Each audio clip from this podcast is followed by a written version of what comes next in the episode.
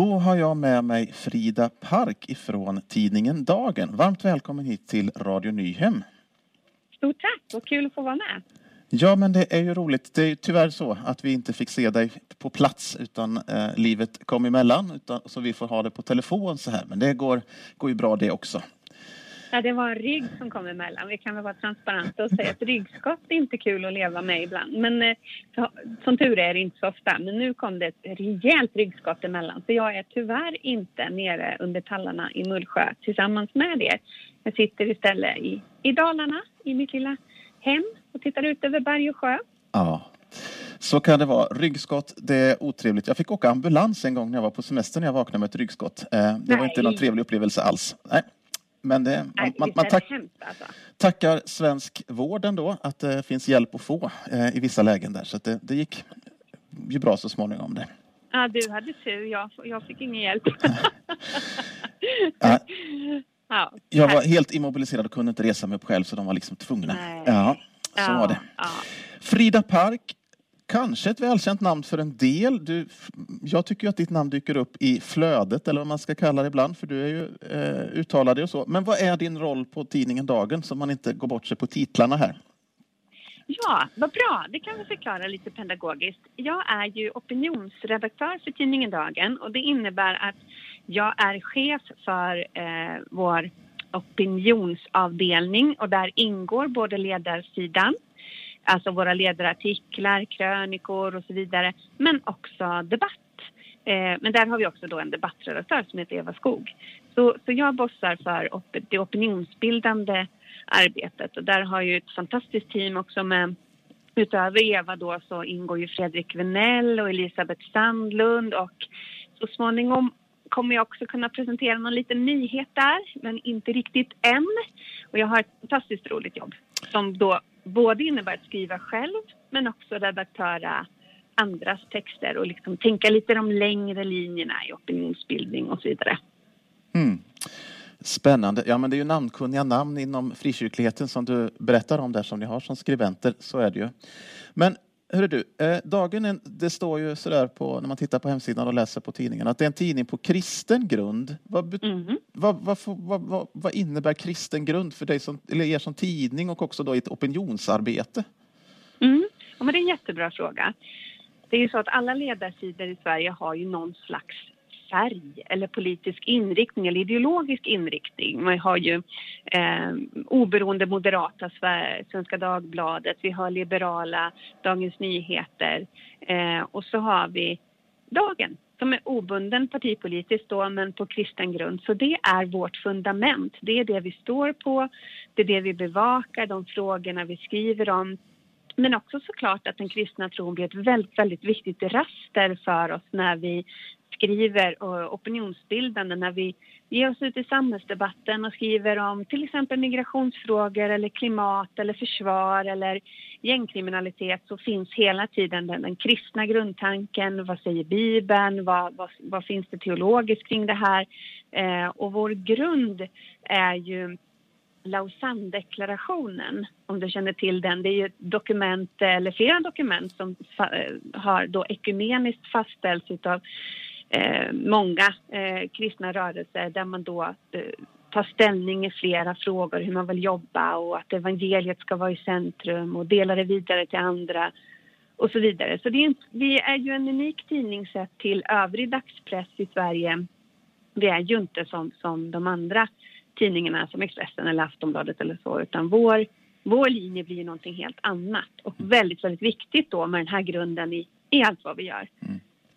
Ja, för du säger något där som jag tänkte fråga om med Lausanne-deklarationen och ekumenik. För det, det innebär att det är ju inte bara en, en kristen grund, frikyrkligt eller till och med pingst, utan ett bredare perspektiv kring alltså kyrkligheten och eh, den kristna grunden. Det är mycket, mycket, det är mycket bredare än, än pingst. Eh, Ja, precis. Alltså, eh, vi startade som en tingstidning. Det känner säkert många till. Levi Petrus som grundade tidningen.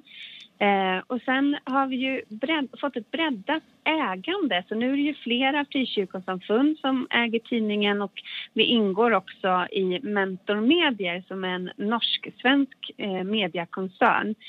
Så pingströrelsen är ju en av de största ägarna men eh, har också delat ägandeskap då med, med flera andra frikyrkosamfund. Så vi brukar säga att vi befinner oss eh, mitt i kristenheten. Eh, så, så vi skriver ju om, om alla samfund kan man säga. Så, och ha läsare och prenumeranter i alla eh, olika kyrkofamiljer i, i Sverige idag. Det blir också viktigt för oss då att försöka bevaka lite bredare men fokus är fortfarande och kommer nog över all rimlig framtid som vi kan se vara frikyrkan. Det är där vår, vårt stora fokus är, vår riktigt stora expertis men också väldigt, väldigt många av våra läsare även om vi är bredare idag än vad vi var för några decennier sedan. Mm. Eh, opinion och debatt jobbar du med dagligen så att ja. säga. Hur skulle du säga att eh, samtalsklimatet eller klimatet i debattvärlden så att säga, hur, hur har det utvecklats eh, över tid och hur, hur ser det ut idag? Det här är en jättesvår fråga. För att om jag pratar med sådana som, som var politiskt engagerade eller opinionsbildande eller så att säga stod i en roll som var lite på tvärs med samhället i övrigt för, säg, mm, två, tre, fyra decennier sedan så kan ju de vittna om ett väldigt hetskt debattklimat även då. Skillnaden idag, det är ju att eh, mycket sker på nätet, i sociala medier. Det blir väldigt omedelbart. Det krävdes så att säga ganska många steg och trösklar för att skicka det där eh, brevet med, med arga ord eller kanske till och med hot och hat förr i tiden. Du skulle först ta fram en penna och papper och så klistra i en kuvert och sätta på frimärket och sen gå iväg till posten. Det fanns ganska många tillfällen att ändå tänka efter, ska jag göra det här? Mm. Idag sker ju väldigt mycket av eh, debatten i sociala medier eller på internetforum.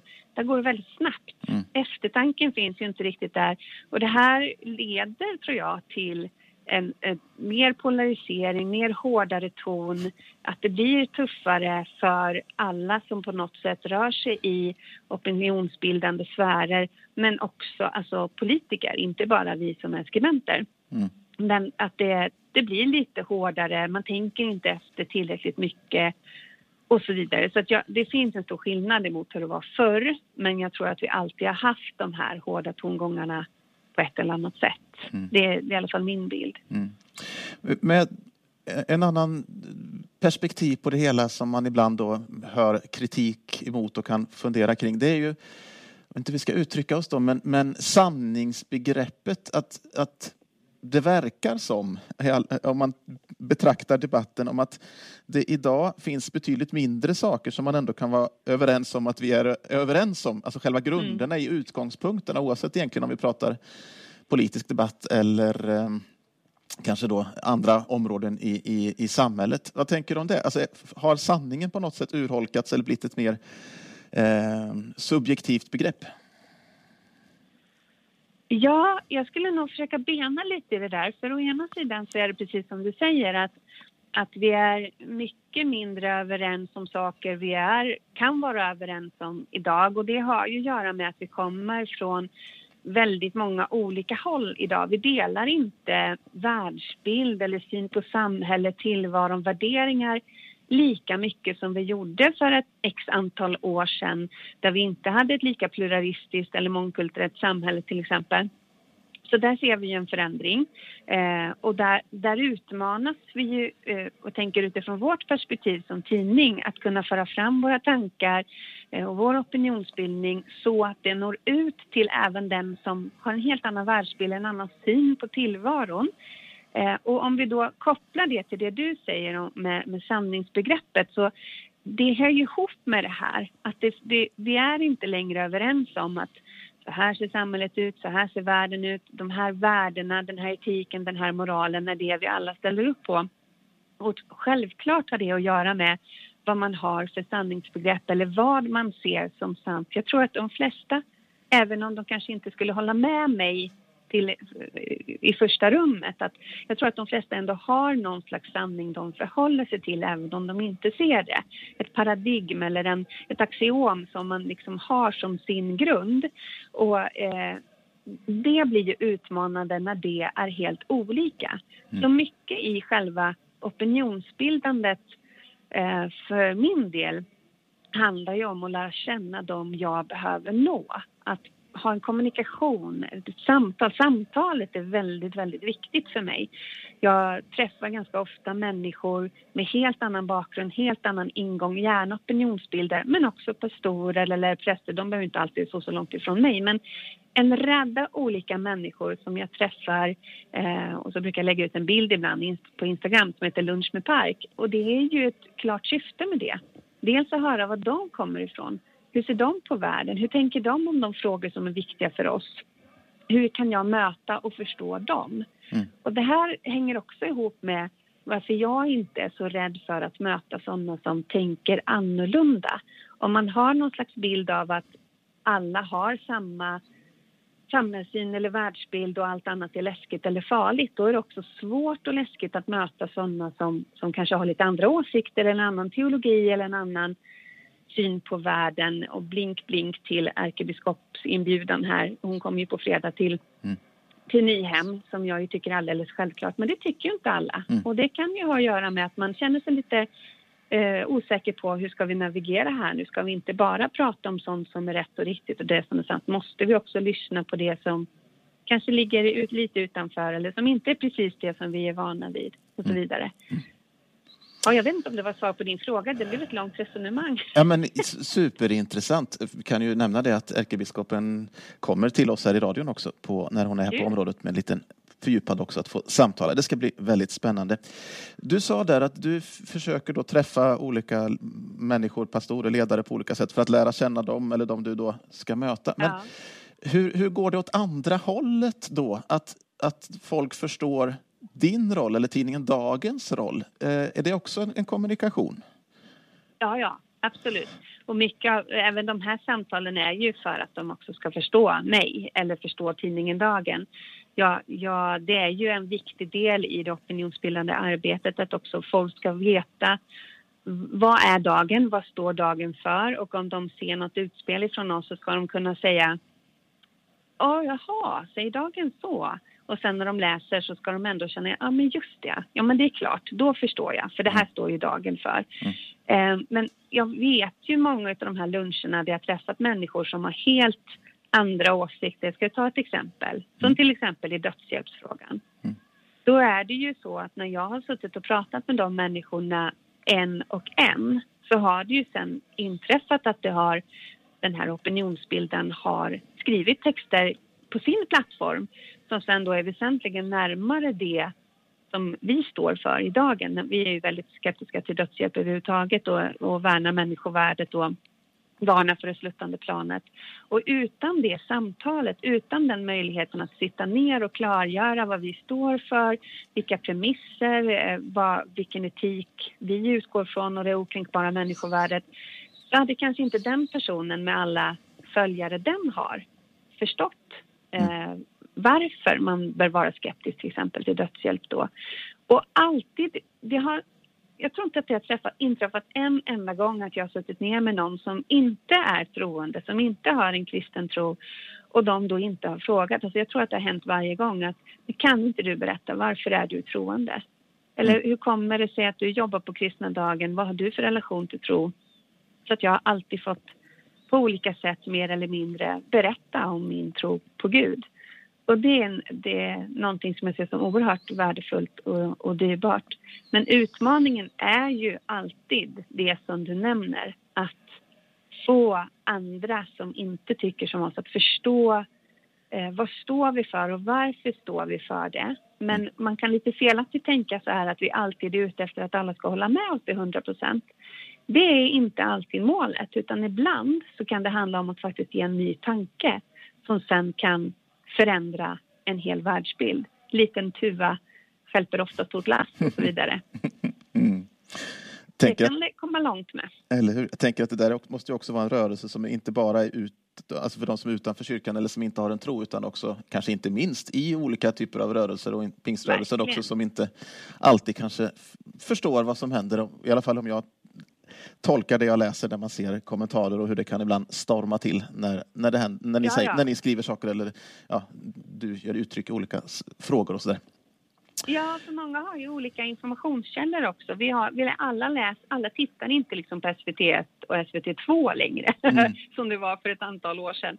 Utan nu, vissa hämtar ju sin information enbart från sociala medier och andra hämtar det från någon nättidning med, med sin profil och andra läser väldigt brett. Och där rekommenderar jag alla, men läs sånt som du inte håller med om också, så käll, olika källor. Så man behöver få en mycket bredare bild. Men det är klart, om jag pratar med någon som har en helt annan källa med en helt annan vinkel och kanske också en agenda till varför de lyfter fram vissa saker på ett sätt då kan det vara svårt ibland att mötas och då får man backa bakåt, zooma ut lite. Vänta, vad kommer du med här? Vad har du med dig in i samtalet? Och det kan ju gälla både troende och sådana som inte har en kristen bakgrund, absolut. Mm. Så um, samtalet har nog aldrig varit så viktigt som det är. Det är alltid viktigt, men det har aldrig varit så viktigt som det är nu. Att komma bort från skärmarna och också mötas och samtala tror jag är super, superviktigt. Vilka bra, det är ett bra tips du kommer där med, det, tänker jag, det där sista att läsa och följa och möta människor som en inte är som en själv eller inte det, bara det man håller med om. Speciellt kanske ett, ett år som detta när det är valår och händer Verkligen. mycket och går åsikter åt alla håll och kanter. Ja, det är viktigt. Ja, det är viktigt. Det vi som är lite inne i branschen på olika sätt tycker väl för att det är lite spännande ett år som detta då, där det är så mycket som är på spel. Men det är också kanske lite jobbigt. Så någonstans kan man väl tänka att det blir lite skönt när det lugnar ner sig eh, efter. när nu eftervalet är. Det? ja, det jo, kan man jo, men sen ska det till en regeringsbildning. Jag ja. tänkte efter förra valomgång, valåret där så tänkte jag så här, åh vad skönt, nu är valet över, nu kan jag andas lite. Nej, då blev det ju långbänk på regeringsbildningen. Så att, jag har inte några riktiga förhoppningar om att allt kommer vara över där den, den 12 september. Men, men eh, man kan ju drömma. Vi, kan, vi, får se helt enkelt. Frida ja. Park, tidningen Dagen, tack så hemskt mycket för att vi fick ringa upp det här ifrån Radio Nyhem och vi får önska dig en riktigt skön sommar. Ehm, och så hörs väl och ses vi väl någonstans framöver. Ja men vad fint. Tack så jättemycket att jag fick vara med.